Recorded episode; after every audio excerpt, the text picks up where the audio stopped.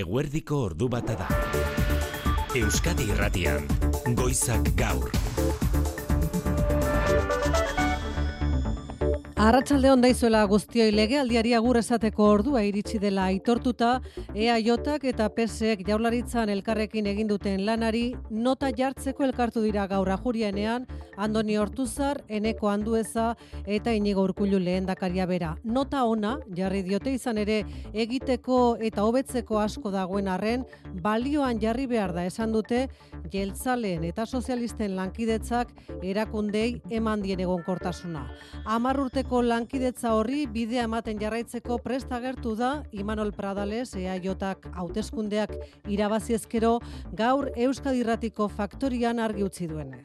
Baina egia da, egia da, orain arte koalizioak funtzionatu egin duela. Eta egia da baita ere, euskal markoa ikusten baldin badugu, bai udale eta bai foru hauteskundeetatik ba koalizio edo itun edo adostasun batekin irten ginela alderri sozialistarekin eta funtzionatzen ari den e, ituna dela, ezta? Beraz, hoe guztiak mm, kontutan hartu behar dira. Galiziak erakutsi du bestalde, Imanol Pradelesen arabera, estatuko klabean planteatu diren hauteskundeek pesoeri zer esanik ez, baina peperi ere botoak kendu dizkiela. Kilometro zeroko politika defendatu berri du, Arnaldo Tegi H. Bilduko koordinatzaileak ere, BNG da bere esanetan Galizian etorkizuna eta bide batez Espainian zabalik den lurraldetasunaren eztabaidan pieza klabea. Eguneko beste lerroburuetan inigo alustiza arratsaldeon. Baita zuri ere maite. Alesei Navalniren alargunak salatu du Vladimir Putin presidenteak hil duela Errusiako oposizioko buruzagi ezaguna eta erantzi du bere senarrak abiatutako lanarekin jarraituko duela berak aurrera. Я буду продолжать дело Алексея Навального. Europar batzordeak bitartean Errusiaren aurkako zigorrak aztertuko ditu Navalniren eriotzaren ondotik aitzitik ez du Israelen aurkako zigorrik erabakiko Alemaniako gobernuak azken orduotan aitortu duen arren oso kezkatuta dagoela Israelgo armada Rafan egiten ari den erasoaldia dela eta. Alemaniatik bide batez azken ordua Ursula von der Leyen beste bost urtez Europar batzordeko presidente izan dadin hautagaitza iragarri duela CDU alderdi kristau demokratak. Atzera etxean, laboral kutsak urteko balantzea, 2008ko balantzea egin du. Berreunda hogeita bi milioi euro irabazi zituen iaz, aurreko urtean baino, euneko berrogeita sortzi gehiago erakundeak arbidez azaldu du, 2008an monetik, moneta politikan izan diren aldaketek mesede egin diotela, eta oroar negozio eremu guztietan izan dituela laboral kutsak igoera nabarmenak. Gutxieneko zenbait zerbitzu bete gabe, abiatu da bestalde Euskal Autonomia Erkidegoan azpikontratatutako osasun garraioko langileen greba mugagabea. Mila eta zazpieun langile deitu dituzte grebara sindikatuek Lapau eta Ambulantzias Gipuzkoa enpresatakoak besteak beste lanbaldintzak osakidetzako langileenekin parekatzeko eta galdutako erosalmena berreskuratzeko eskatzeko greba mugagabearen lehen egunean langilek gutxieneko zerbitzuen jakinarazpen ofizialek jaso ez eta araban eta bizkaian gutxienekotan behartzuten zenbait ambulantzia ez direla lanean aritu jakinarazi dute sindikatuek Zintia Lozanoela. Gasteizen, berrogetan baino gitxiago atera dira, eta hemen e, bizkaizen, ba, berez etorri atrako ziren alaugoi e, ambulantzi, baina langileak nahiz eta zebitzu minimoak eguneko egunak izan, ez dabez notifikazioak e, jaso langile. Begira ezagun errepide saren nagusira nahi zauzti? Matxura baten berri eman digu segurtasun sailak, bergaran gipuzkoa zeien da hogeita zazpi errepidean autoa dago aberiatuta, maltzagarako norantzkoan egiten du traba, eskuineko erreian. Jaione Munarriz Euskalmet, Arratsaldeon. Kaixo Arratsaldeon. Nola dato zurren gordua Jaione? Ba, datozen orduetan, e, ba, era bat atertuko dutenean, eta kantauri xurialdean kostata bada ere odeitza saretu joango da, eta ostarteak e, irekiko dira.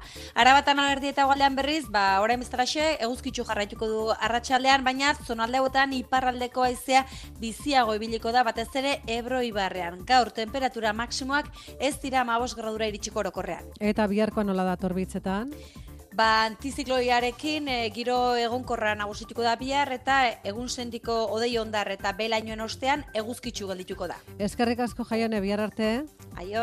Jose Maria Paula Zarratxaldeon. Arratxaldeon maite. Gaur gauean Europara doan trena San Mamesera iritsiko da. Eta atletikek eta Gironak biek sartu nahi dute berta, baina lehen da biziko bagoian, e, txapeldune ligara joan nahi dute, bi hautagai dira ohikoekin batera Real Madrid, Barcelona eta Atletico Madridekin batera. Ez dira behar bada boladariko paroenean igandean atletik eta Girona, baina aurreko jardunaldiarekin alderatuta utsuneak berdindu dituzte eta amaikak horik lehiakorrenarekin agertuko dira. Gaueko bederatzietan sama mesen hemen Euskadi Ratian eta gaurkoak dira baitere bi hauek aipatu egin behar Gaur garazin, B mailako finala dute berezkoek buruzburu. Saint Paul, Shimun Lamberten kontra.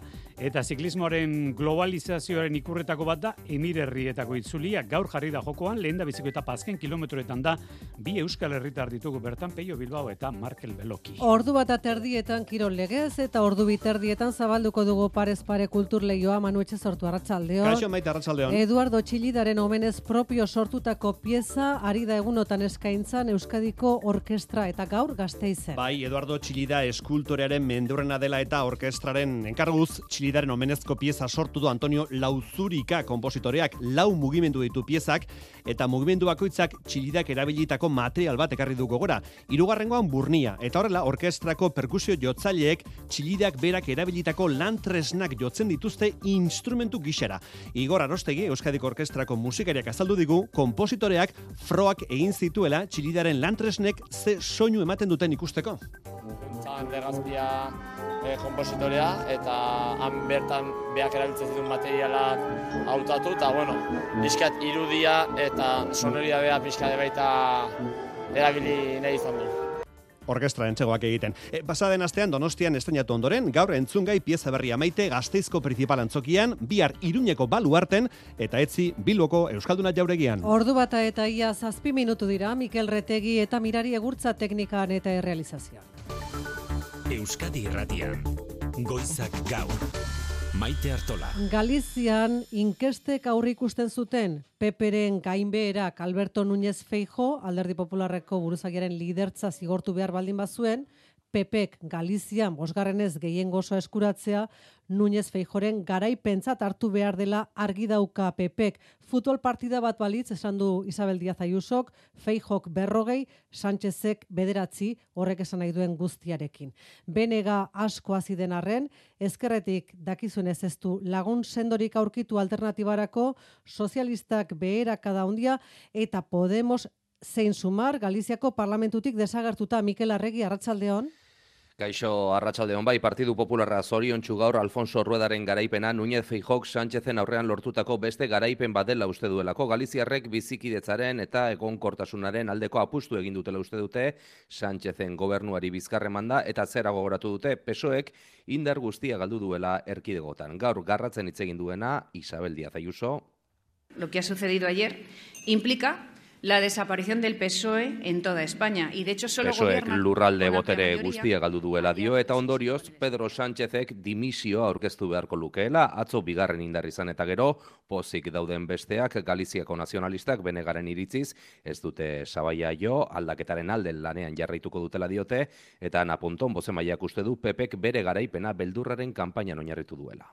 Xogou a unha campaña do medo, a unha campaña de mentiras, e, seguramente... Benegak, Pepek, kampainan zehar botatako difamazioak astertuko ditu gainera, salaketa jarri edo ez erabakitzeko gainontzean, peso da, hauteskundetako galtzaile nagusia, sozialistek Galizian, sekulako emaitzarik txarrenak jaso eta gero, Jose Manuel Laje Tuñas, PSD garen antolakuntza idazkariak, euren porroton hartu du. Que son uns moi malos resultados electorais, sin ningún tipo de adjetivo, E ao mesmo tempo, eta temos zehar, Sánchezek zuzendaritza bilera izan du ferrazen eta ipatu bertan autokritika eta ausnarketa eskariak egin dituztela pesoeko zuzendaritzako zenbait kidek.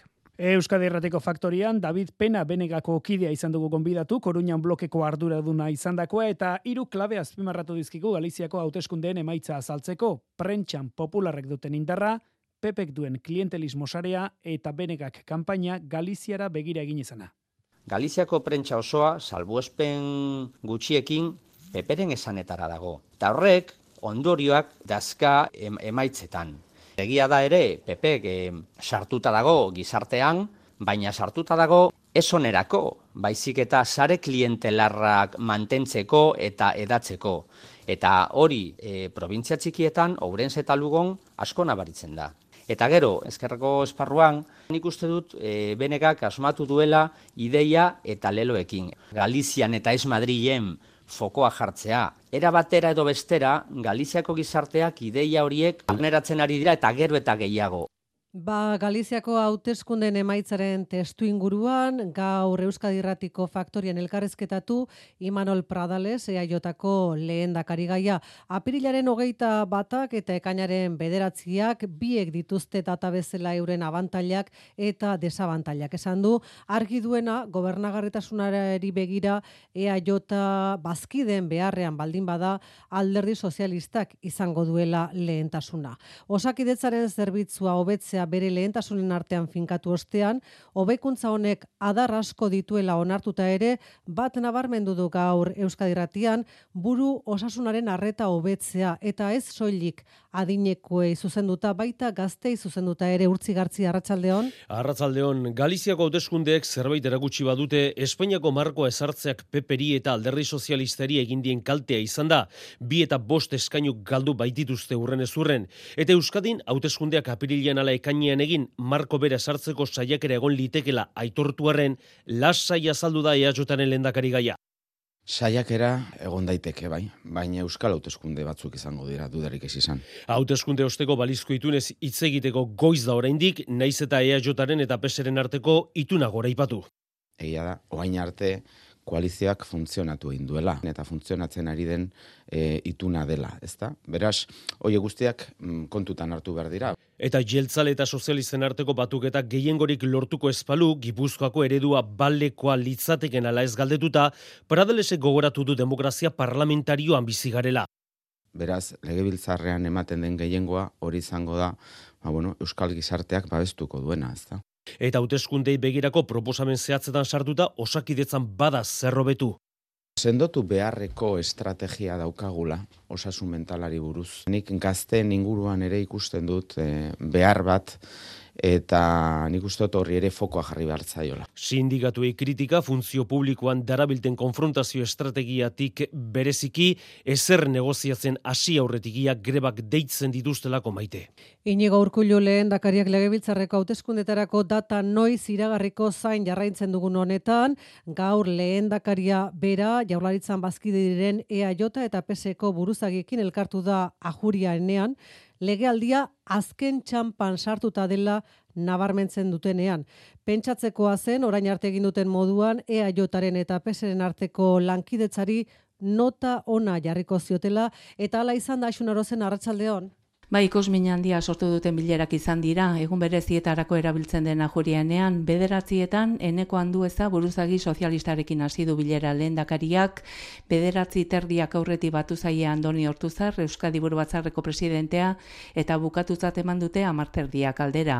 Sare sozialetan inigo urkuluk berak jakinarazi duenez, gobernu programaren eta herri helburuen betetze mailaren berri eman die, eta ondorio bat nabarmendu, gobernu koalizioa emankorra izan dela Euskadirentzat. Eneko handu eza Euskadiko sozialisten idazkari nagusiak ere, azken amarkadan jeltzalen eta sozialisten arteko elkarlan hori azpimarratu du, buruzagi sozialistaren esanetan asko geratzen da egiteko eta hobetzeko baina bi alderdien arteko elkarlana zintzoa izan dela dio. EAJak ere duela minutu gutxi plazaratu du oharra, EAJPS koalizio gobernuak erakutsitako lankidentza, konfiantza eta errespetu giroa nabarmenduz. Legegintzaldia amaitzekotan dagoela aitortzen du EAJak eta lehendakariari egindako lanagatik eskarrak emateaz gain, irurek itzeman dutela, bakoitzak bere ardura esparrutik ahalegina egiteko alik eta azkarren Euskal Erakunden esku izateko EAJak Pedro Sánchezekin lehenengo hiru hileko honetarako hitzartutako hiru transferentziak. EH Bilduren oinarriek euneko larogeita amar pasatxoko babesarekin berretsi dituzte asteburuan zuzendaritzak proposatutako izenak Eusko Legebiltzarrerako. Pello Txandiano lehen dakari gaia, zerrenda buru izango da araban, ima garrastatxu bizkaian eta nerea kortajarena gipuzkoan eta egungo Legebiltzar taldetik lehen postuetan aurkeztuko dira Arkaiz Rodríguez eta Eba Blanco sortu Estatuko eta Eusko Alkartasuneko buruak eta Mikel Otero, Iana Etxebarrieta, Julen Arzuaga Ikoitzarrese eta Rebeka Ubera besteak beste. Ba gaur Arnaldotegi EH Bilduko koordinatzaile nagusiak iragarpena egin du benegaren bide beretik EH Bilduk ere gora egingo duela legebiltzarreko hauteskundetan 0 kilometroko eskerrak direlako bere hitzetan etorkizuna igotzalkorta. Mezu truke izan zuen atzo EH Bilduko koordinatzaileak benegako ordezkaritzarekin gaur mai politikoaren ostean Arnaldo Otegi kontestuan jarri nahi izan ditu Galizako hauteskundeak Europan eskuin erreakzionarien aurrean tokian tokiko ezkerreko soberanismoak dira euste horma diotegik eta Eusko Legebiltzarreko hauteskundetan EH Bildu izango da. Atzo Galizan gertatu zen bezala, hemen ere, Euskal Herria Bildu izango da gora egingo duen indar nazional eta herritarra. Eta hori da fenomeno bat Europa osoan ematen dena. Jendeak kilometro zeroko ezkerrak babesten ditu, ezker nazionalak babesten ditu. Eta Espainiar estatuko lurralde eztabaidan benegak duen papera indartu delako handautegi. Alizan ere bai alternatiba ezker soberanista dela. Eta nik esango nuke Espainiar estatuan martxan jarri behar den lurralde ereduaren inguruko eztabaidan benegak ere baduela zer esan eta zer aportatu.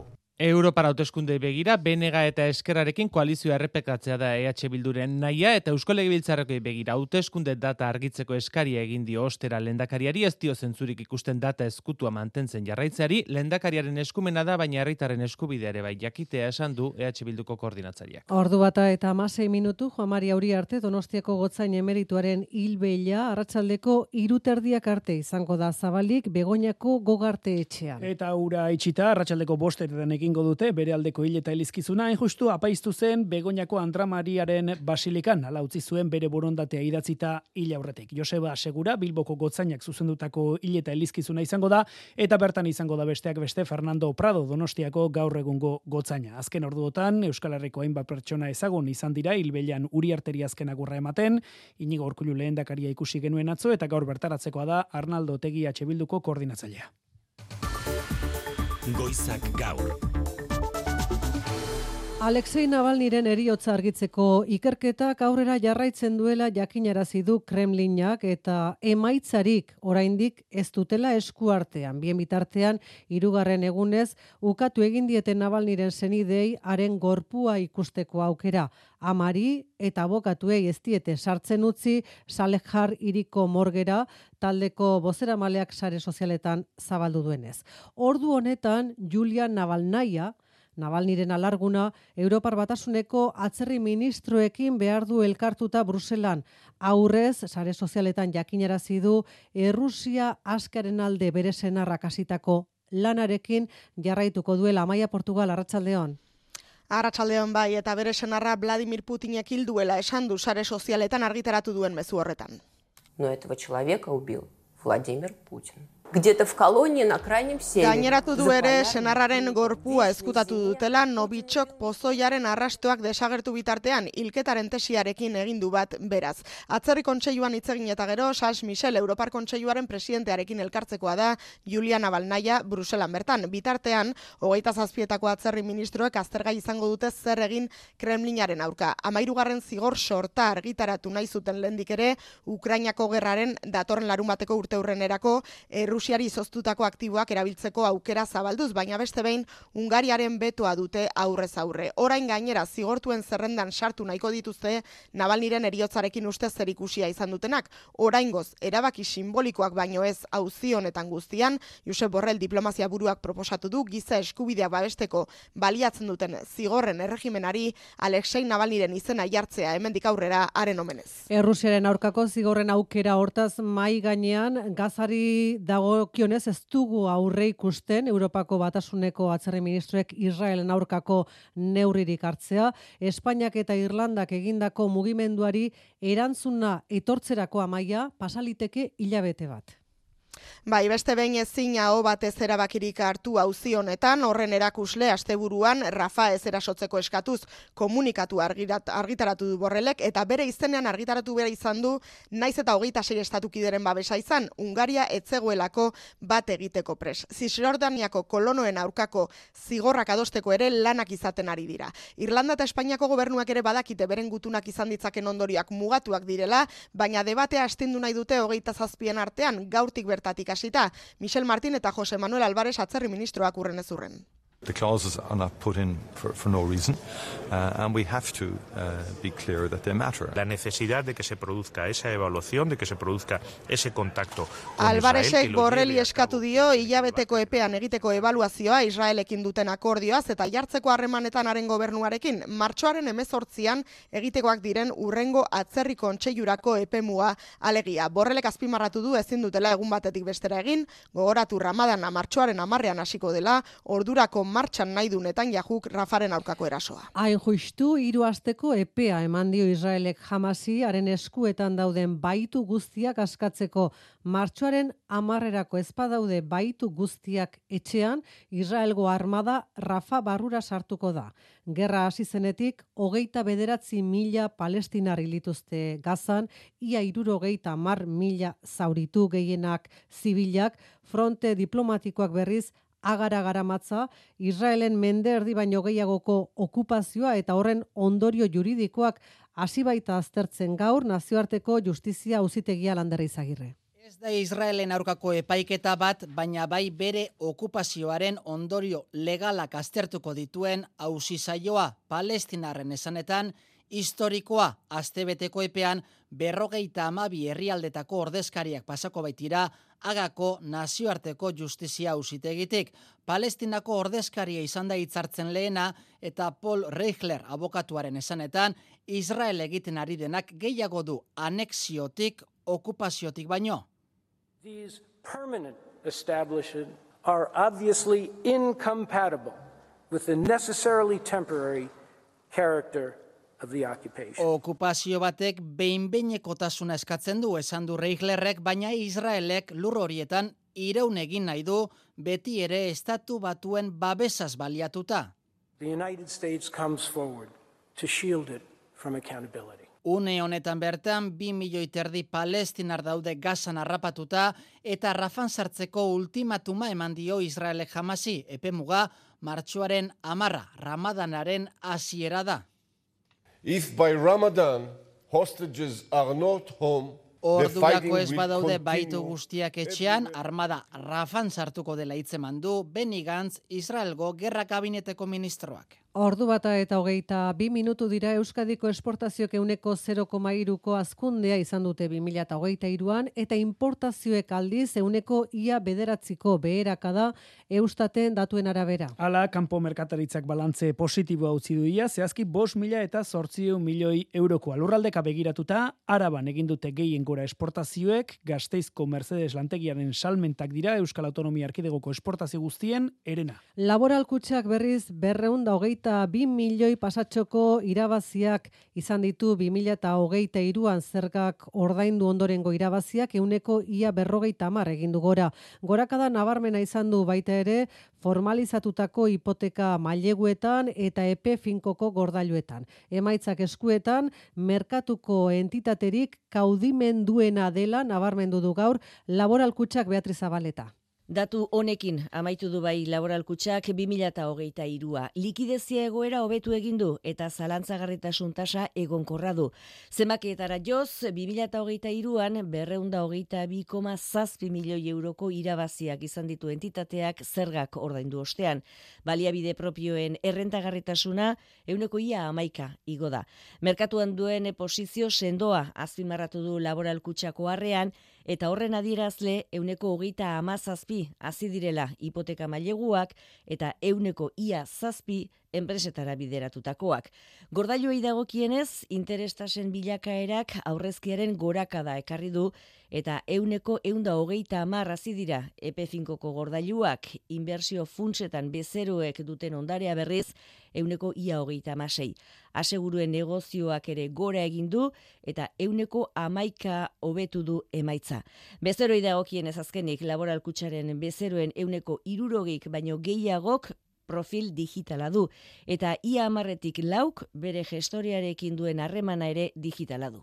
Euskadiko lan ikuskaritzak aldi baterakoak ziren hogeita amairu mila eta zeireun lan kontratu mugagabe bihurtu ditu bukatzear den legealdian. Ikuskatu dituen kontratuen amarretik ia lau. 2000 eta hogeita iruari dagokion txostenak ere batazbesteko horretatik gertuko kopuru hautzi du, emezortzi mila eta zeireun kontratu berrikusi eta bos mila eta irureun lanaldi osoko bihurtu zituen iaz lan ikuskaritzak. Bigarren urtez, lan erreformak erraztu ditu neurri batean zuzenketa hoiek ekaitzagirre. Denera iaz, hogeita bi mila eta laureun jarduketa egin zituen lan ikuskaritzak eta mila sei eun eta irurogeita sei araua uste atzeban. Lan kontratuei dagokionak dira oraindik ere kopuruz gehienak, iaz emezortzi mila eta sei eun berrikuspen egin eta aldi baterako bos mila eta irureun kontratu lanaldi osoko bihurtu zituen lan ikuskaritzak erena pasatxo beraz. Kasu gehienetan enpresa ohartarazi ostean eta zigor espedientea zabaldu beharrik gabe.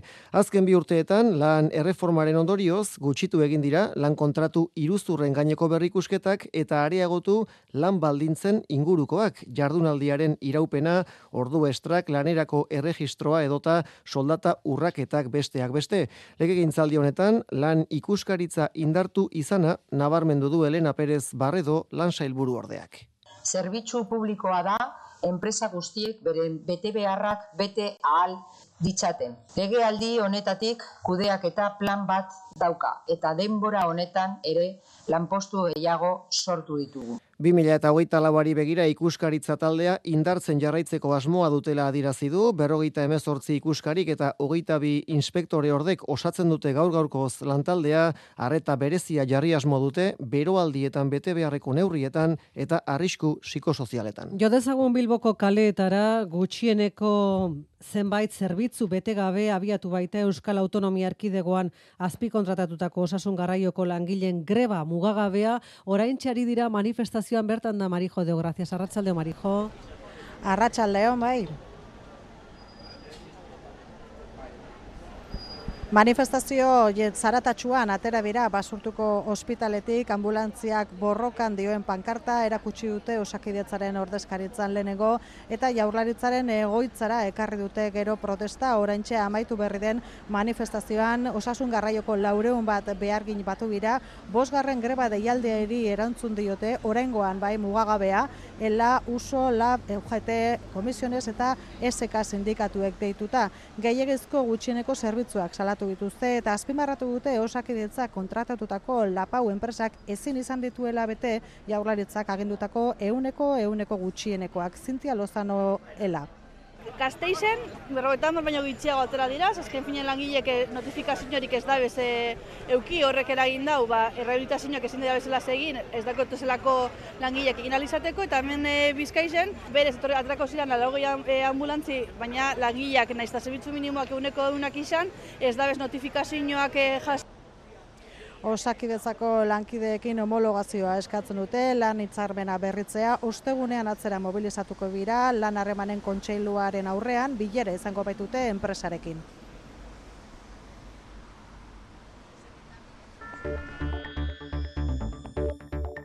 Iperion Donostian kokatutako superordenagailuaren gaitasuna bikoiztu egingo dutela iragarri du bestalde gaur Jokin Bildarratz hezkuntza sailburuak estatuko bigarren superordenagailu bilakatuko litzateke honela Euskal Komunitate Zientifikoari doakoa zerbitzua ematen dion konputagailua Jokin Aierregarai.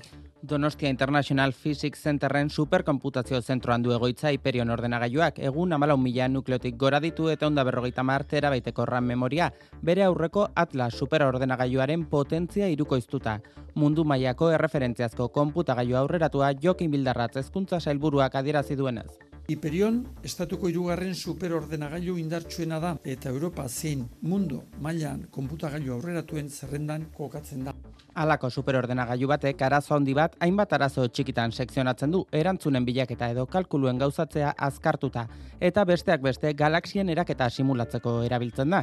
Hiperionek ikerketa lanak errazten dituela azpimarratu du Jon Errea Euskal Herriko Unibertsitateko irakasle eta ikerlariak. Metodo komputazionalak garratzen ditugu hain zuzen ere materialen propietateek zehatz batzuk kalkulatu alizateko eta horiek gero martxan jarri alizateko ba, superordenagailu handiak behar ditu. Orduan hiperion bezalako azpiegitura bat izateak hemen, zein gure eskura dagoen nahi, nahi bezain beste erabiltzeko alik eta azpiegitura handiagoak izan, orduan eta hobeto gehiago erabiliko ditugu eta guk ba, bide gehiago izango dugula. Eta bide horretan, Txomin Romero Superkomputazio Zentroko zuzendariak iragarri duenez, Hiperionen gaitasuna handitzen jarraituko dute hogeita marmila nukleoraino estatuko bigarren superordenagailu bilakatu asmoz. Eta azken apunte bat, bihar amaituko da Bizkaiko golkoan, Frantziako gobernuak ezarritako arrantzu debekua, izurdeak sareetan ez hiltzeko ekimena da 2025 bostean eta 2026an ere ezarriko dute depekua Lapurdiko arrantzaleak eh, damudo maien zain dira oraindik eta epe honetan izan den ezio, izurde eriotza kopuruaren berri negu amaieran jakinaraziko dutela esan dute. Ordu bata terdietara iritsi gara honela.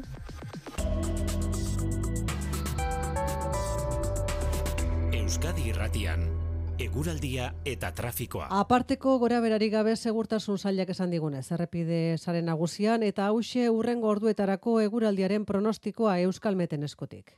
Arratxaldeak aurrera inala, kanta hori xurialdean kostata bada ere odeitza saretuz joango da eta ostarteak eh, irekiko dira.